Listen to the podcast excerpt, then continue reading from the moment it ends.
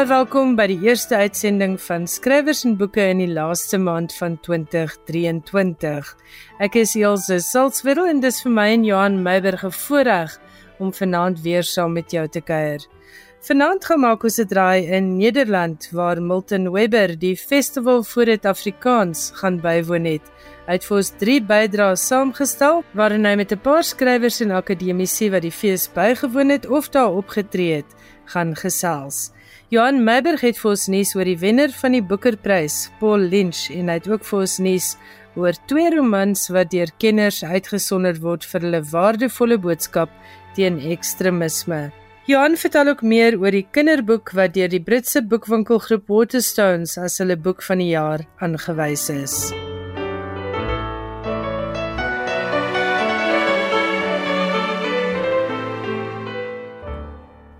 Voordat ek vir Johan Meiber gaan die woord stel, wil ek net graag 'n regstelling maak. Ek het Alita Steenkamp verlede week verkeerdelik Alita Foster genoem toe ons gepraat het oor haar boek Deur die vuur.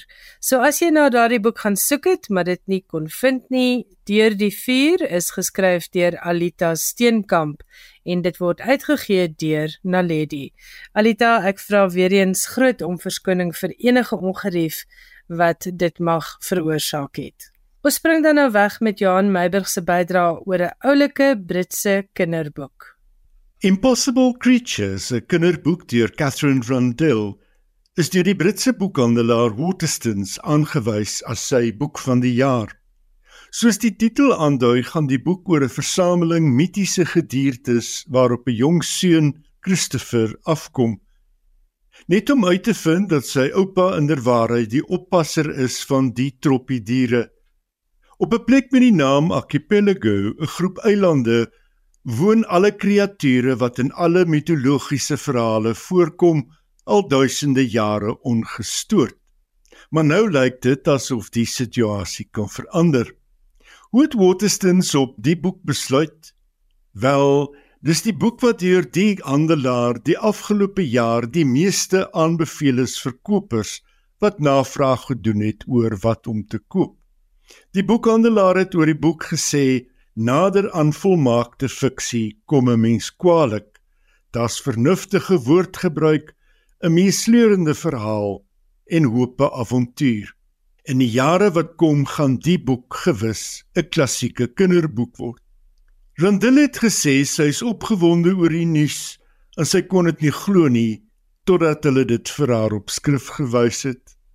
Impossible Creatures deur Catherine Rondell word uitgegee deur Bloomsbury. Dankie Johan Meiberg. Ons bly by kinderboeke en hierdie keer gaan maak ons 'n draai in Nederland waar Milton Webber by die festival vir het Afrikaans met drie kinderboekskrywers en 'n kinderboek kenner gesels het. Hier is Milton. Ek gesels hier met Marita van der Vyver, Solet Scheeres, ook 'n skrywer kinderboeke, Marita Nel van Penguin Random House en met Bianca Flanders. En ons gesels oor kinderboeke. Vertel vir my, hoekom skryf jy kinderboeke? Ek is 'n groot boekwurm en ek het altyd gedink dat 'n kinderboek sou die maklikste wees, maar dit is dis nou nie waar nie. maar nee, ek ek is verlief op Suid-Afrika en ek wou regtig 'n verskil maak in my land en ek het gedink, uh miskien is die beste plek om te begin met kinders as ek iets goed wil doen. Ehm um, ja, met kinderboeke. Hm? Ja, so vir my is dit eintlik maar so um om met die kind om myself te trek. So ek skryf elke boek of dit nou 'n kinderboek of 'n um jong volwasse tienerboek is, skryf ek dit maar eintlik vir daai kind in myself. Iemand baie slim ek weet hoe dit gesê elke goeie skrywer skuld die wêreld 'n kinderboek. Hm. En ek dink dit is waar jy jouself van dit is baie moeilik soos Bianca sê eintlik om 'n goeie kinderboek te skryf. So dis 'n uitdaging ook. Ja, dan kan ek my voorstel. Solent. Ek het ooit baie jare gelede aan die begin van die romansas toe Cecilia Brits dit nog hy genoem het en almal skryf met my en sy sê dit nooit genoem nie maar sy right at the beginning toe vra hulle vir my of ek so 'n boek wil skryf en ek het toe so 'n boek geskryf En dit was verskriklik. Ek dit is net die slegs geskrewe boek in die geskiedenis van mense jeuggenis. En in daai storie met um, Veronica wat nou by Luca is, het saam met Cecilia gewerk. En toe moes sy nou die nuus aan my breek dat hierdie gaan nie werk nie. En toe sy so ewe subtiel gesê, "Hoekom skryf jy nie vir ons 'n reeks soos die Reënboogrand reeks wat ook al bevoorde was, maar dan net vir ouer tiener?" En toe het ek 'n reeks geskryf vir 17 wat 100 jaar al uitdrukking is. Maar daar, ewe skielik, toe val my inner child net weer weg. En sê dat dit ek nog nie eers oorweeg om weer 'n uh, 'n uh, boek vir volwassenes aan te durf nie, want dit werk vir my om kinders te skryf. En sê my, hoe besluit julle oor die temas waarop jy skryf? Ek weet uh, Marita, baie van jou boeke het 'n het 'n emosionele tema. Daar's iemand daar buitestaande. Ja, maar dit is nooit ek soek nie ek besluit dat ek gaan 'n boek oor 'n issue skryf nie hmm. want ek dink dit dat daar so baie boeke wat mens kan oor issues en um, ek dink dis 'n karakter wat by my opkom uh, is 'n uh, 'n karakter in hierdie geval van al wat ek weet is dit hierdie hierdie seun hierdie hierdie verwarde tiener seun um, met 'n wit pa en 'n bruin maan sy pa hom Gabriel en sy ma hom Gabriel en hy weet nie eintlik wie hy is of wat hy is nie. So dit het daarmee begin. So dit begin baie keer by 'n spesifieke kind wat ek sien, of 'n klein seentjie wat bang is vir die donker, is oor die nosters op die dak en dan van daar af dan neem my verbeelding dit oor en dan lei dit toe lei al wat ek weet na die na na na na kwessie van so selfskending mm. want hy ontmoet 'n meisie maar dit gebeur in die storie. Dit is nie as ek vooraf was nou wil ek 'n boek skryf oor selfskending nie. En toe begin ek nou nalees. Dieselfde met die spoken word poetry. Ek het daaroor begin lees en toe word dit al interessanter en toe word dit deel van die boek. So net 'n storie klop by jou aan. Dis nie asof jy noodwendig 'n storie gaan soek nie. Op 'n dag dan kom daar net 'n ding. Ek het daai leeutemer se assistent. My ma het vir my vertel dat sy net koshuis was in Morimolle. Het die leeu in die nag gebrul op die terrein langs die skool. Want 'n sirkus die leeu daar gelos. Wou nie die leeu doodskiet nie, maar hom nie gehad het nie. En daai saaitjie toe nou vir my laat nadink oor hoekom wie was die sirkus wat ooit in molle was as sê dat die nooit weer 'n sirkus gewees het. En dan lig dit nou van geskiedenis. En so die hele storie begin oor Pybels se sirkus wat deur die hele Suider-Afrika tot in Zambië met die trein gery het. En dit is nou hierso te sê 'n bietjie interbellum net na die Tweede Wêreldoorlog daai tyd in Suid-Afrika. As jy nou vir kinders vertel is dit fiksie, ja, 'n kind trein. Sirkus op 'n trein. So ja, dit is so 'n storie wat uitkom. Bianca Ja, ek ek voel dieselfde as as Celine en Marita. Ehm um, en ek vra altyd vir myself wat wil ek lees? Ehm um, en ek skryf die boeke wat ek wil lees of miskien my klein sussie. But you know, ehm um, ja, dis dis die ding of, of ek vra vir myself um what, what am I struggling with maybe or uh, ja, ja, en dis dis hoe begin vir my. Um, en dan vat die karakter oor en hulle vertel die storie actually. So ek ja, ek begin met die vraag en dan dat dat dat. Ja. Jy het twee skryf nou hoofsaaklik kinderboeke, maar Marita is meer bekend vir haar volwasse romans. Marita, nou hoe verskil dit? Uh, hoe moet jy jou aanpas om vir um, vir 'n jeugroman of skryf? Die storie sê vir jou, so so so net sê, daar's 'n storie wat klop, wat vertel wil word. En byvoorbeeld Al wat ek weet, was ek aanvanklik nie seker of dit 'n volwasse storie of 'n jeugstorie gewees het. Want ek het hierdie storie, ek het in my kop die gedagte gehad van 'n pa en 'n seun op wat sukkel om te mm. en my ma se dood en dan sukkel hulle. En so eers ek gedink dalk vertel ek dit hierdie pa se oogpunt en dan sou dit 'n groot mens storie gewees het. En toe begin ek en dan skryf jy maar so jy begin en hierdie tienerseun karakter was net so onweerstaanbaar. Hy het net die plek opgeneem. Hy het net lekkerder geword as die pa oor beskryf. En so toe die afhanklike weergawe het ek sulke stukke uit die pa se oogpunt ook gehad en toe het Mimi wat destyds die redakteur was by Lapa baie skerp vraag vir my gesê maar skip die pa, die kinders gaan nie daarop belangstel nie. Pa se oogpunt nie. Konsentreer net op die seun. En dit ja. is wat dit is ja. So so dit verander. Wat die verskil is, ek dink ek is 'n mens vir klein bietjie versigtiger met wat jy sê en hoe jy dit sê in 'n jeugboek as met 'n volwasse boek. Hmm. En en en met 'n kinderboek nog met jy minder woorde, is elke woord nog meer belangrik. Soos net ja. soos 'n gedig. Ja. Elke woord moet tel. Ja, en, en, en jy moet ja, nooit um, never talk down of probeer lesse ja. leer of talk down. Moet nooit die kind se intelligensie onderskat nie. Hoekom dink julle is dit belangrik dat kinders van 'n jong ouderdom af lees? I think it, it shapes how we how we understand the world, and you know, I think reading really uh, it's it's you travel in your room, and it's the way you. I think it builds empathy, and it builds vocabulary, and and the more words you know, the more you can communicate, and the more you can understand other people, the more you can understand yourself. So I think we build better humans when we read more. Nou het iemand so 'n vergelyking gemaak en gesê dit word nou vir ons al moeiliker om te onderskei tussen kennis en inligting. So mense sal vir jou sê ag nee, jy hoef dit nie te weet nie, jy kan net Google en dan kry jy dit. Want Google sit vol inligting. Hmm. Maar daar's nie kennis op Google nie. En deur te lees maak jy jouself gereed of 'n kind brei 'n kind voor om vanuit 'n bepaalde kennisveld inligting te kan gebruik. 'n Kind moet weet hoekom hy iets Google en daai les leer jy eintlik maar net deur te lees. Ja, ek wil daar byvoeg deur voor te lees ook vir want dit begin voor die kind self kan lees en dit is hopelik almal wat luister en alle ouers. Ehm um, hoe vroeg jy begin lees, ehm um, maar die baba as ek dit met kinders begin lees, letterlik hardop gelees dat ek besig is om die baba aan die slaap is angs my. Jy kan nie kan begin as jy swanger is. Jy kan net te vroeg begin die kind die woorde hoor en dit glo ek. Tot vandag geval mense my hoe het ek dit reg gekry met my kinders te laat Afrikaans praat wat in Frankryk groot geword het mm. en ek sê die geheime wapen is slaaptyd stories in Afrikaans want dit hulle dit gee hulle 'n liefde vir daai taal die hele ding wat jy het met 'n met 'n ma of pa wat vir jou storie lees in 'n taal selfs al praat jy nie eendag daai taal nie dan gaan altyd 'n spesiale plek vir daai taal wees daai jy daai stories hoor Dan wil ek vir julle vra wat wat doen dit aan 'n mens as jy sien dat 'n kind een van jou boeke lees en hoe hy daarop reageer? Ooh, dis ongelooflik. Ek weet dit was uh, in een van die kortverhaalbundels van Lampa, uh, het ek 'n kortverhaal geskryf oor die spook van Jupitesta. En toe eendag, toe soek ek iets vir die klas en ek Google en sien ek maar hier is duisende werkstukke wat oor daai storie gemaak is. En Jo, ja, jy voel skatryk. Dit is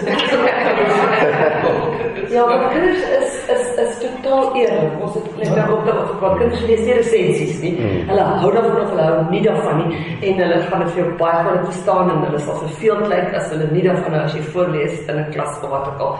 So dit is 'n eerlike reaksie wat jy kry. En as hulle daarvan hou, dan hou hulle daarvan. Ja.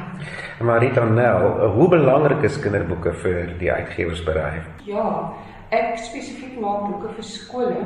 Ons het nou ehm um, die polsverslag wat uitgekom het gewys dat 81% van kinders in 10-jarige kinders in Suid-Afrika nie kan lees met begrip nie. So dit is vir ons is ek hier super belangrik om, om boeke te maak wat om die kinders spreek, lekker leesboeke, boeke waarmee hulle kan identifiseer. En uh, ja, so dit dit is regtig regtig belangrik. Ons het nou 'n uh, paar weke terug het ons vir onderwysers wat op die Kaapse vlakte skool gee, het ons Spalkie en Samir aangekoop. Dis 'n boek reeks van ander taal oor die twee uh, bruin karakters in die moslim en die Christen seun en uh die milieu is dan ook die Kaapse vlakte. Ehm uh, eers die jy moet moes die onderwysers en die kinders se respons sien op hierdie boeke en mhm. en toe het ons die onderwysers opgelei ook, jy weet. So ek voel ons kan hierdie hele geletterdheid ding kan ons omswaai ongeletterdheid uh deur deur lekker leesboeke vir die kinders te gee nommer 1 en nommer 2 daar uh ook dan lekker materiaal waar die onderwysers in die klas kan gebruik. Hmm. En watse boeke lees skoolkinders deesdae? Weet jy is 'n uh, boeke waar jy hulle kan identifiseer.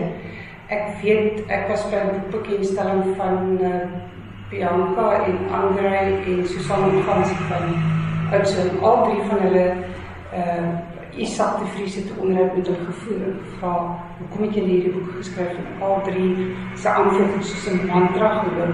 Dit is toe ek jong was, was daar nie karakters met wie ek kon identifiseer nie.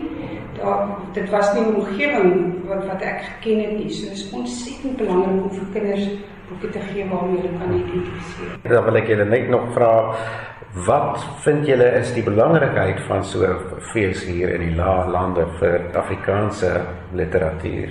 Ehm um, ek is baie bly ons het oor kinderboeke so wel ek kan nie net op maar ek is baie bly dat spesifiek 'n kinderboek ding by is hmm. by hierdie fees en kinderneug want dit is so die lesers van die toekoms geskep word. Dit is die heel belangrikste werk. Anders gaan op die ou niemand oorbly wat gaan boeke lees nie. So dit is ek is baie verbly ek dink die fees in die algemeen is 'n wonderlike ding nie net vir mense in Nederland of België dit daar het mense, 'n hele paar mense uit Frankryk uitgekom want ek weet uit Engeland en Afrikaans sprekendes is honger vir Afrikaans hier in in Europa en so die bywoning en die die entoesiasme en die naweek dink weer gewys. En vir my is kuns kuns is net belangrik. Ek meen ek is nie net 'n hmm. skrywer nie, ek is ook 'n akteur en 'n ja. regisseur. En kuns maak 'n verskil. Ehm um, so vir my, ek is altyd 'n fan van enige kunsfees. Ehm um, en ek dink hierdie fees is fantasties want uh, as 'n Suid-Afrikaner, uh, Afrikaans is my tweede taal, maar dit is my man se eerste taal en ek I fell in love in Afrikaans en vir my is dit 'n taal van liefde. Ehm um, en veral in 'n plek in 'n land soos Suid-Afrika waar daar's baie verskillende dialekte in Afrikaans, so dit is vir my dis magical want dit is actually dis musiek. Baie dankie Milton en ons luister sommer dadelik ook na jou volgende bydrae. Milton het gesels met Mercy Kannemeyer en professor Wannie Karstens. Nou Mercy Kannemeyer is die regisseur van die toneelstuk Boesak. Die toneelstuk is vroeër vanjaar by die Woordfees op Stellenbosch opgevoer met Marlo Minnar in die titelrol. Dit handel oor die lewe van die anti-apartheidsaktivis en teoloog Ellen Boesak wat ook in die Nederlande bekend is. Wannie Karstens is 'n buitengewone professor in Afrikaanse taalkunde. Hy is by die Noordwes Universiteit en ook tussentydse voorsitter van die bestuur van Provaria, 'n projek wat Afrikaans se variëteite dokumenteer. Wannie het by die fees in Nederland deelgeneem aan 'n gesprek oor die variasie van Afrikaans en Provaria se rol in hierdie projek. Milton gesels ook met Sonja van Skalkwyk en sy was ook al 'n paar keer 'n gas hier op skrywers en boeke. Sy is natuurlik die vertaler van Asterix en Obelix en ook die Kuifie reeks. Lekker luister.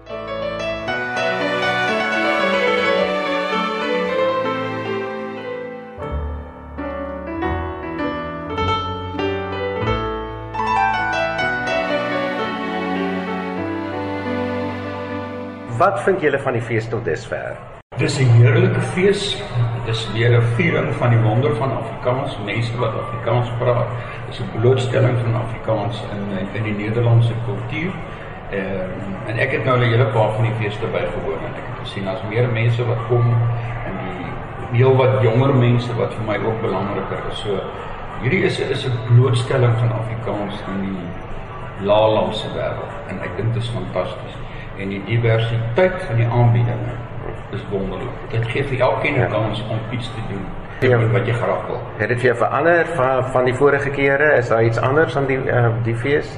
Ek ek dink uh, ek dink ek dink die aanbieding het 'n groter verskeidenheid. Dit is 'n groter uh evenwigtigheid, is meer inklusief as aan die begin. Onthou jy werk maar met dit wat jy het.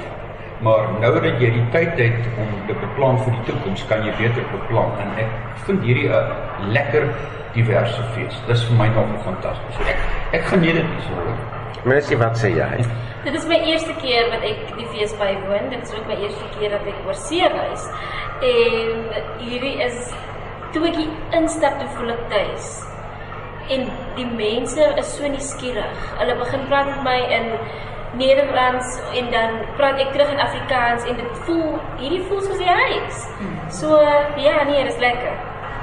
En Sonja, vertel my bietjie eers wat doen jy? Uh goed, so ek is 'n vertaler. Ek ver, ek woon in Frankryk uh nou al vir baie jare en ek vertaal onder andere Asterix en Tintin of Kuifie in Afrikaans. En uh wat ek ook doen in Parys nou sedert taamlik onlangs is ek gee Afrikaanse lesse by die Nederlandse sentrum in Parys. En ons het nou al 'n paar gebeurtenisse gehou aande en so 'n bietjie rondom Afrikaanse letterkunde en ek sou graag dit wou uitbrei. En hoeveel mense is daar wat uh, deelneem aan die Afrikaanse lesse? Oom net nie baie nie, dis net 5. maar almal baie interessante stories wat jy sal nou wonder hoekom wie wil Afrikaans Ja, in Parys inderdaad. lees? Dis 'n baie interessante verskeidenheid ja. ja. En wat is die uh, grootste rede wat mense wil Afrikaans leer? Dis vreeslik uiteenlopend. Die een is eintlik 'n regsgeleerde wat by 'n ministerie werk, maar hy stel vreeslik belang in die Calvinistiese Ja. geskiedenis. Hy het 'n teologie graad uh, oor die pos by Genève gedoen en sy droom wanneer hy aftree is hy wil by Stellenbosch 'n meestersgraad in Calvinistiese geskiedenis of iets gaan doen. kerkgeskiedenis, Ja, ja. So so en en en nou voel hy hy wil darm Afrikaans leer voor hy dit gaan doen. Hy het so 10 jaar hy is baie regte regs regsgeleerde. Hy het goed vir hom uitgeleer die hele die plan en hy wil oor so 10 jaar reken hy sal sy Afrikaans goed genoeg wees. Nou wil hy sin toe gaan. Maar uh, ja nee, maar hy is vreeslik kundig oor Afrikaans en so en dan het ons 'n uh, um, weet jy hoe sê mense in Afrikaans die computational linguist Rekenaarlinguïstiek. Rekenaarlinguïstiek is 'n Duits-Japaneese vrou wat ook Frans praat en Sweeds en Nederlands en nou gesê sy is lus vir nog 'n Germaanse taal, so hoekom nie Afrikaans nie? So sy het 'n hele versameling.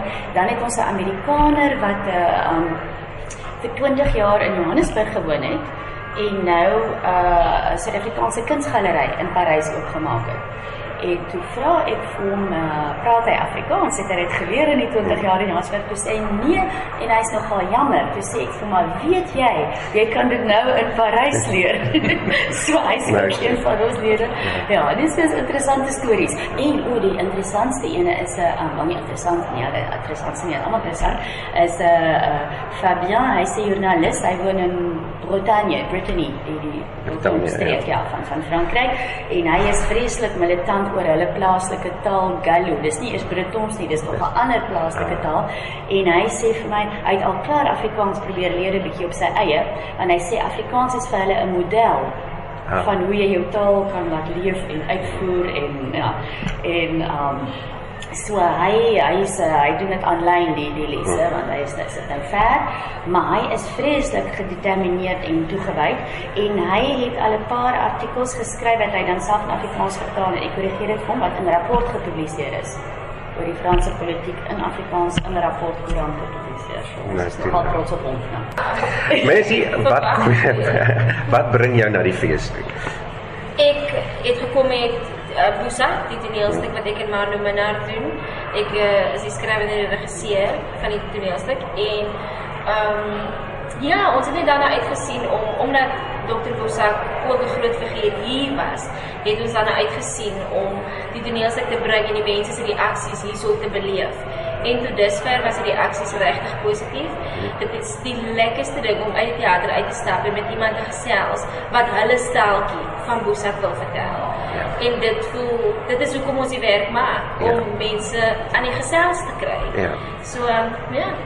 Ek het die voorreg gehad uh, om die toneelstuk by te woon.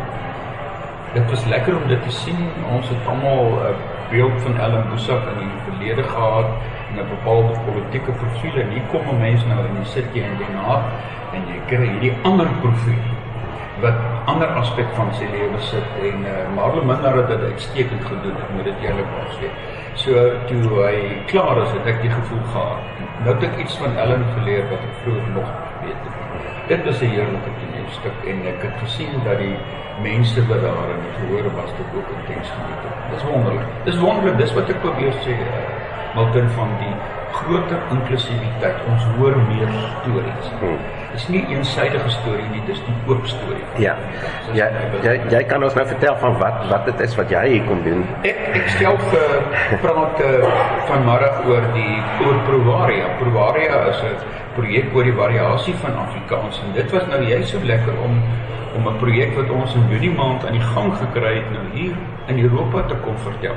Maar die lekkerste is om met die kundiges hier te skakel. Ek kyk nou die as gespreksvernote vanmiddag is professor Frans Hanskens, professor Nicolet van der Sys. Dis die groot name in die Nederlandse wêreld wat saam praat en saam help dink hoe gaan ons uiteindelik die variëteit in Afrikaans beter dokumenteer. dit is vir my belangrik. Maar die lekkerste was en dis nou weer as ek is taalkundige, ek luister na die fees en ek hoor die variëteite van Afrikaans. Ja. Dis nie net standaard Afrikaans nie, dis al die variëteite. Vir my is dit heerlik.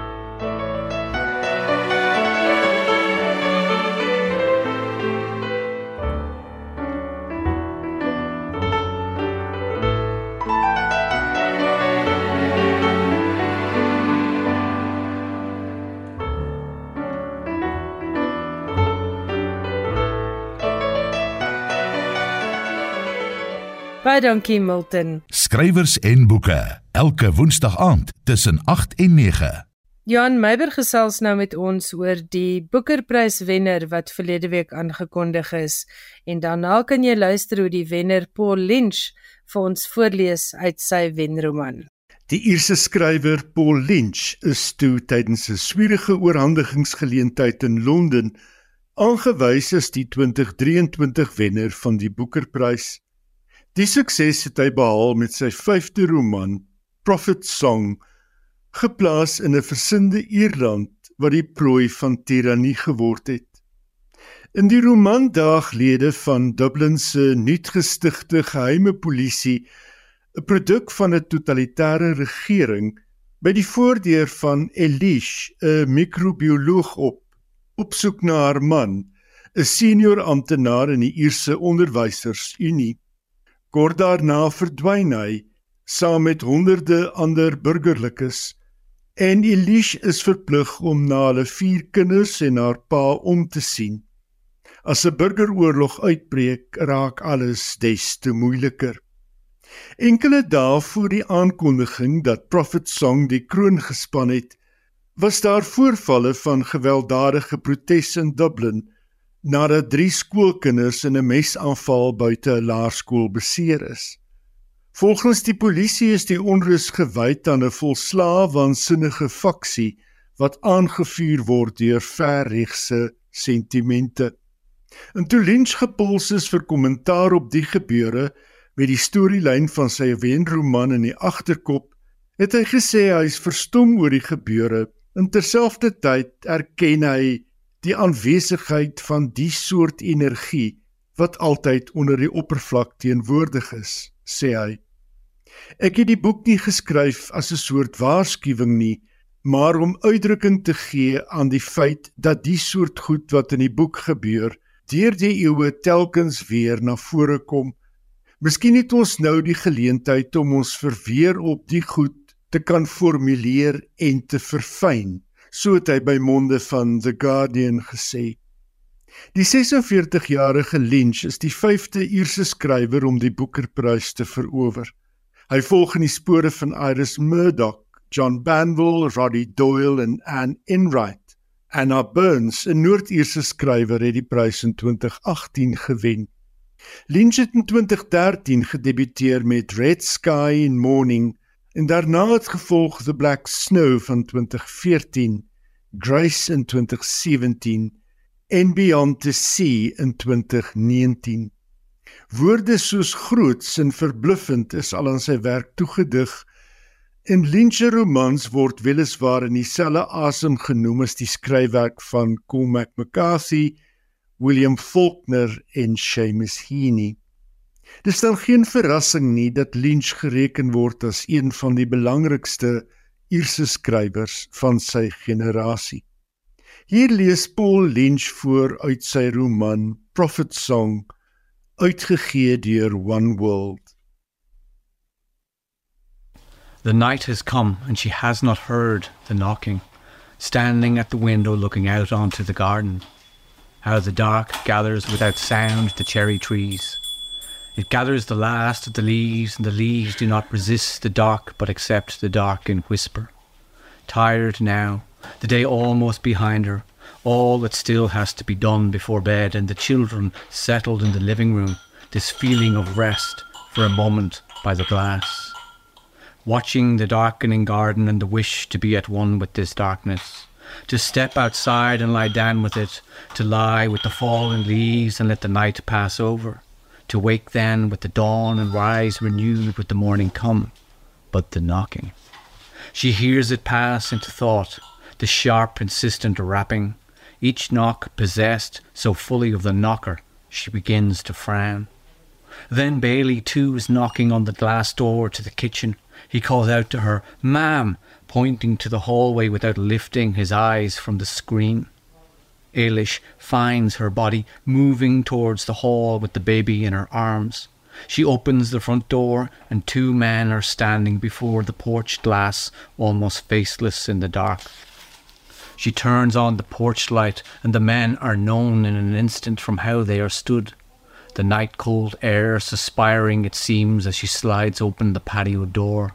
The suburban quiet. The rain falling almost unspoken onto St. Lawrence Street upon the black car parked in front of the house. How the men seem to carry the feeling of the night. She watches them from within her own protective feeling the young man on the left is asking if her husband is home, and there is something in the way he looks at her, the remote yet scrutinizing eyes that make it seem as though he is trying to seize hold of something within her. In a blink, she is sought up and down the street, seeing a lone walker with a dog under an umbrella, the willows nodding to the rain, the strobings of a large TV screen in the Zajic's house across the street. She checks herself then, almost laughing this universal reflex of guilt when the police call to your door. Ben begins to squirm in her arms, and the older plainclothesman to her right is watching the child. His face seems to soften, and so she addresses herself to him. She knows he too is a father. Such things are always known. That other fellow is much too young, too neat and hard boned.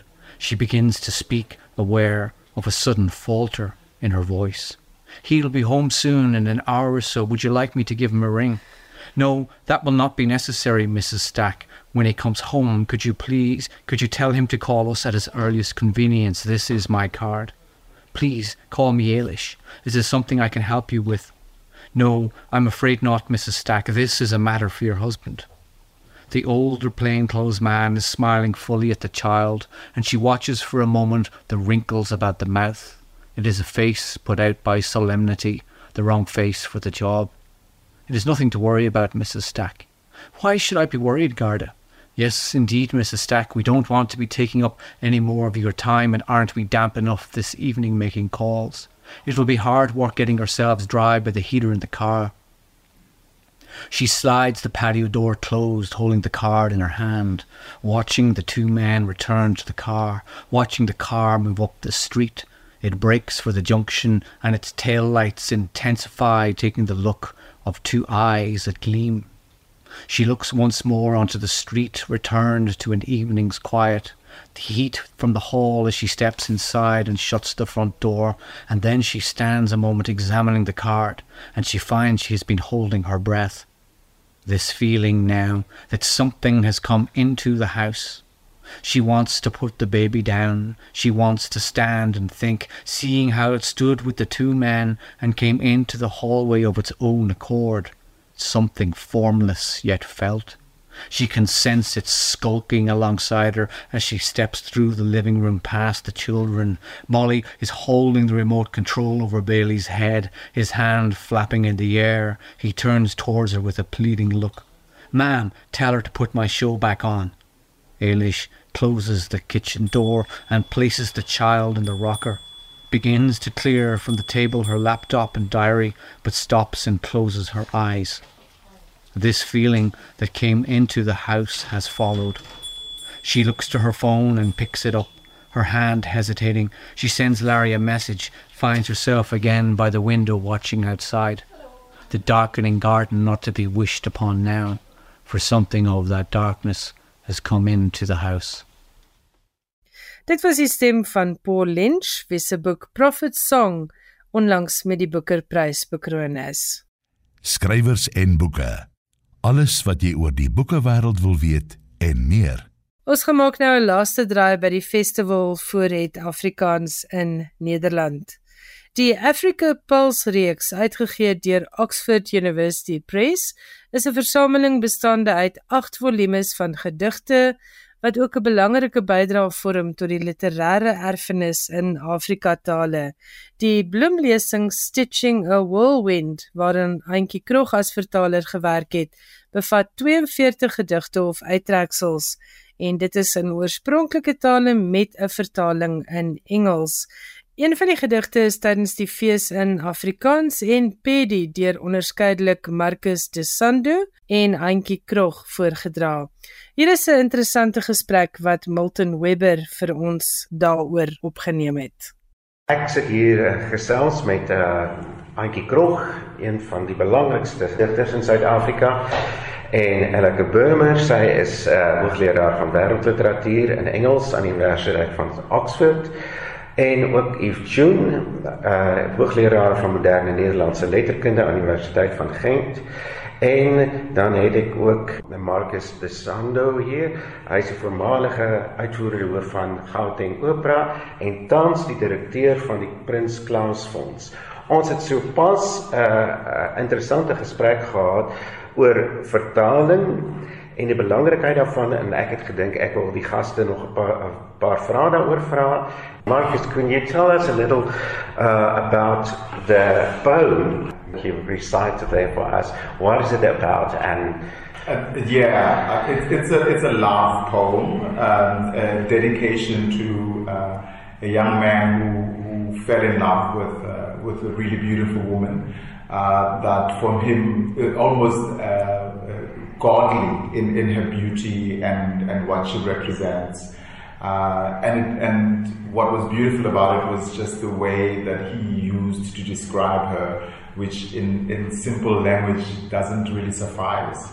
Uh, a beautiful language about love, about the beauty of a woman and the, the choices that her beauty uh, forces him to make uh, to even uh, uh, forego his his uh, his loyalty to, to, to his own family, mm-hmm. uh, but also he's very happy about it because uh, he feels that you know she she is worth it. Mm-hmm. So it's in, in that sense, Piladi is the name, mm-hmm. and also the the Piladi is a very popular Sepedi uh, name for for women as well. So it's really very heartwarming poem that I enjoyed exploring with with Antjie.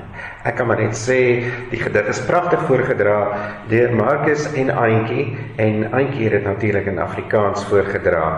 Antjie, ehm um, watter probleme het julle gehad om die gedig te vertaal in Afrikaans? Die, die Afrikaans was nie so ingewikkeld nie. Dit is wat eintlik die ingewikkeldheid is is om elke woord in sy volle omvang beskryf te hê.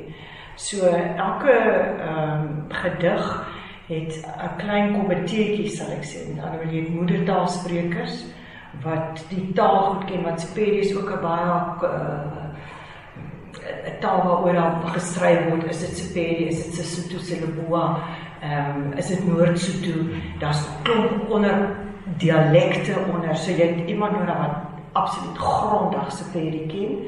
En dan het jy iemand nodig wat se Engels goed genoeg is om al die nuances wat nou uitkom die werklike Engelse woorde te vind. En dan moet jy dit nou alles bymekaar sit in 'n soort van 'n logika. En dan as jy nou byvoorbeeld sê jou ore is so groot soos olifante. So. Dis eintlik 'n bietjie 'n belediging. Hmm tot iemand sê nee maar dit beteken dis sensitief en so groot en dis eh, van boodskappe van die voorvaders op. Dan raak dit nou fantastiese peel. So jy moet dit dan alles indruk daar. Ja. En hoeveel Afrika uh Afrika tale is nou al in Afrikaans of Engels vertaal? Ek begryp daar is 'n groot leemte. 'n geweldige leemte. Lank terug het Eyskriege en Jack Cope uh, uh Oxford uh, saamgestel en hulle het vertaal 'n paar paar digters maar dit is gewoonlik maar uh, is die Zulu is die Xhosa en dan bietjie Sesotho. Ehm um, maar nog nooit ooit is die oorspronklike taal saam met die vertaling geplaas. En dit is ook 'n groot leemte want van hierdie tekste kry jy nie meer in die hande nie. Die tekste se se grammatika het al verskil die jy weet nie meer wie dit geskryf het van hierdie liefdesgedig byvoorbeeld ons kon nie 'n foto kry van die digter nie. Ek kon nie ek kan kan nie uitvind is hy lewe hy nog of is hy dood al nie. So daar's 'n daar's 'n 'n tekort aan navorsing oor al hierdie gedigte. Ehm um, ja, en dan ons het dan uit Sepeli vertaal, ons het uit Setswana vertaal, Sesotho en dan in Kerse het ek ook Wenda en uh Ndebele en uh Tsonga. Hmm. En dit is nou onderdeel van die uh projek African Pearls. Ja. African Pearls, ja. Ja, ja. Elke uh, wat vind jy van die belangrikheid om uh gewerke van Afrika uh, skrywers te vertaal? Dit is heel heel belangrijk. Dit is heel heel belangrijk. Mm. uh, uh, waarom? Omdat, uh, omdat Engels zo een overheersende taal is, is geworden. Zo, ik, ik bedoel, we, kunnen niet onder Engels uit. We moeten ermee leven. Maar daarom moeten we eigenlijk meer vertalingen hebben van andere talen. Uh, niet alleen in het, in, naar het Engels, maar ook ook tussen de talen door de, de niet-Engelse talen. Dus ja, ik ben er helemaal voor. Meer vertaling uh, en ook dat meer vertalen, zoals uh, Ankie net uitlegde voor ons, dat meer vertalers met één tekst werken. Hè? Dat, ze, dat ze verschillende, verschillende begrippen, verschillende inzichten brengen op, op een tekst. Dus ja, ik ben helemaal voor. En wat kan ons doen om meer vertaling mondelijk te maken? Ja, infrastructuur is altijd belangrijk. Hè. Goede vertaalopleidingen. Investeren in de opleiding van literaire vertalers is fundamenteel. Uh, en het is een kwestie van respect en bereidwilligheid om, om te luisteren. En als daar geen bereidwilligheid is om te luisteren, zelfs een onvermogen om te luisteren, omdat die talen niet bekend zijn, ja, dan kan je natuurlijk niet tot gemeenschapsvorming komen. Dus investeren in vertaling is een maatschappelijke opdracht. Dit is niet alleen een academische of culturele opdracht, dit heeft een sociale implicatie. En wij onderschatten dit soms. Hè. We hebben vakgebieden zoals vertaalwetenschap, en dan gaan we allerlei concepten en discoursen en dergelijke bestuderen. Maar het is veel meer dan dat. Het heeft een ethisch-morele implicatie. En als wij um, dit meer op de politieke agenda kunnen plaatsen, dan zal dat fundamenteel zijn ook voor de samenspraak tussen mensen van verschillende huidskleuren, verschillende etnisch-culturele achtergronden. Vertaling is, zoals Ankie schrijft in haar tekst, een, uh, een politieke daad. Het is een daad van verzet. Het is een actieve rol die de vertaler moet spelen. Ja. Kan, ik, ik, ik wil gauw iets bijvoegen. Bijvoorbeeld hier in, Duits, uh, in Nederland heeft hulle uh, boek, boeken samengesteld van gedichten wat geschreven is over die Eerste en over die Tweede Wereldoorlog. Mm. Fantastische gedichten, mm. uit Engeland vertaald. Maar daar is in die zwart talen klomp gedigte geskryf oor die Eerste en die Tweede Wêreldoorlog omdat swart mense aktief deelgeneem het aan daai twee wêreldoorloë. Geen een van daai gedigte is natuurlik opgeneem hierin. So dis 'n dis 'n dis 'n afsny van 'n groot deel van die geskiedenis van daai twee wêreldoorloë omdat hierdie gedigte nie uh, in vertaling bestaan. Ja.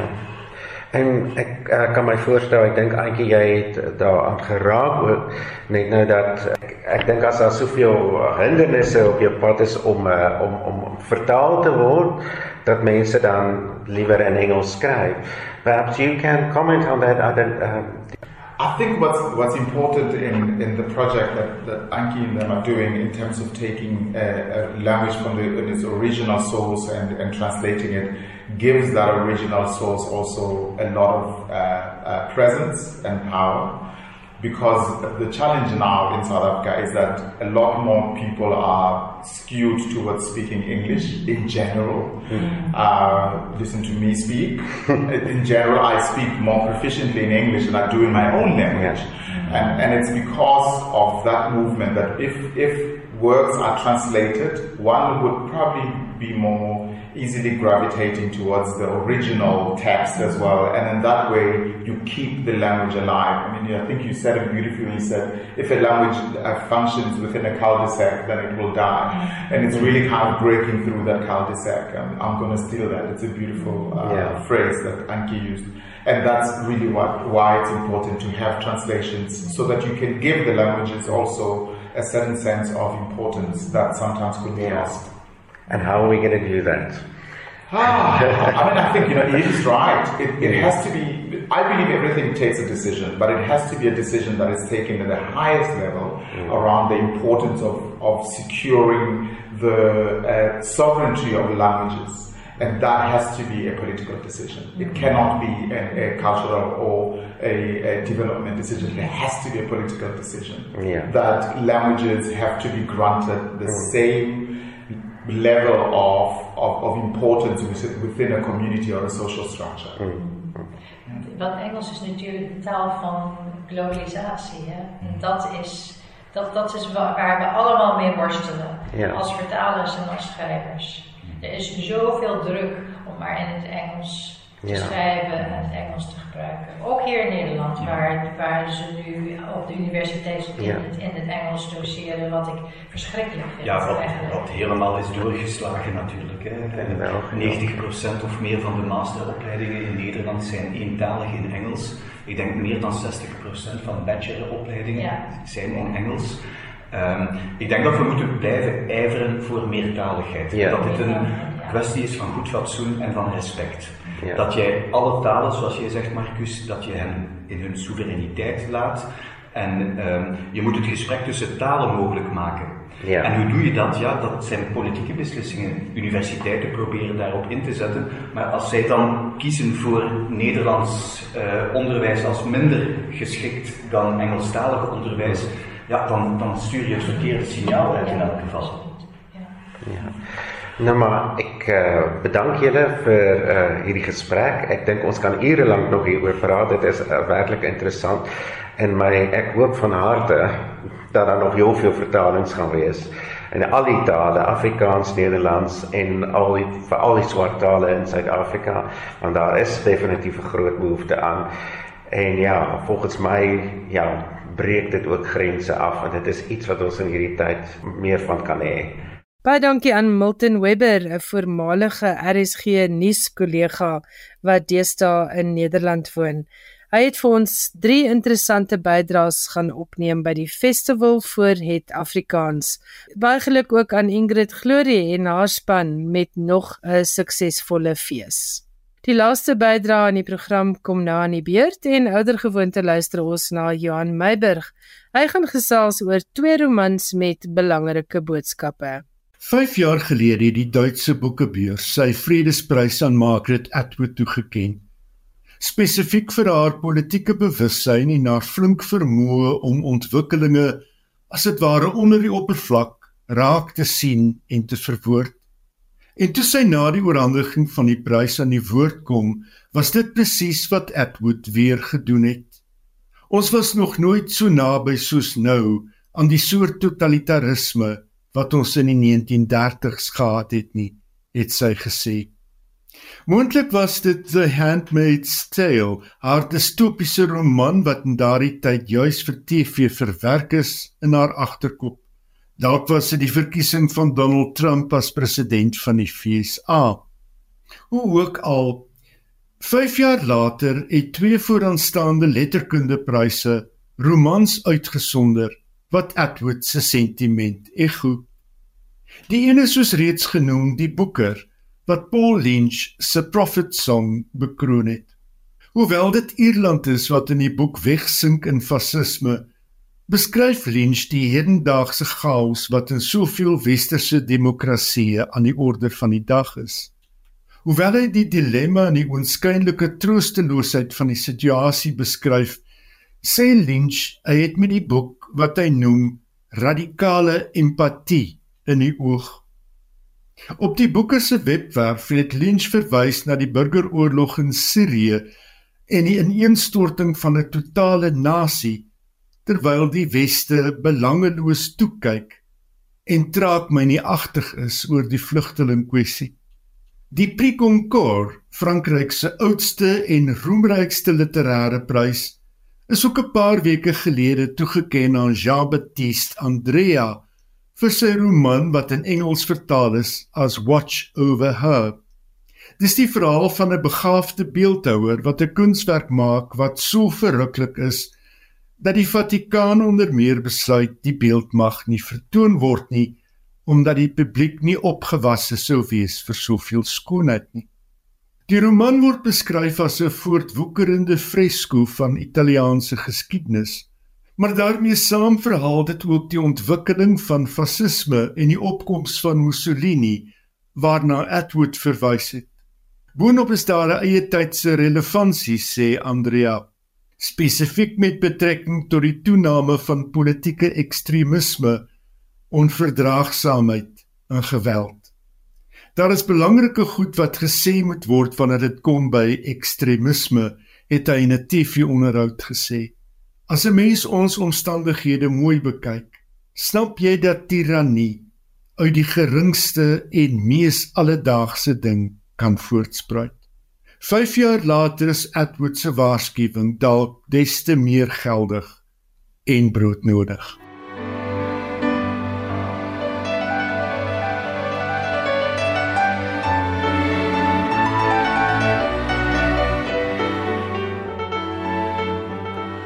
Baie dankie Johan Meiburg en ook dankie aan jou die luisteraar daar by die huis. Dankie dat jy vanaand saam met ons gekuier het. Nou dit ongelukkig tyd geword om te groet, maar volgende Woensdag aand is ek terug en dan gesels ek met die boekresensent François Becker. Hy gaan met ons gesels oor sy gunsteling boeke vir 2023.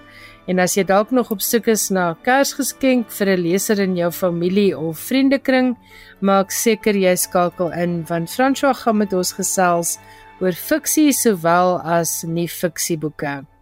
Tot ons weer saamkuier volgende week, lekker lees en pas jouself en jou mense mooi op.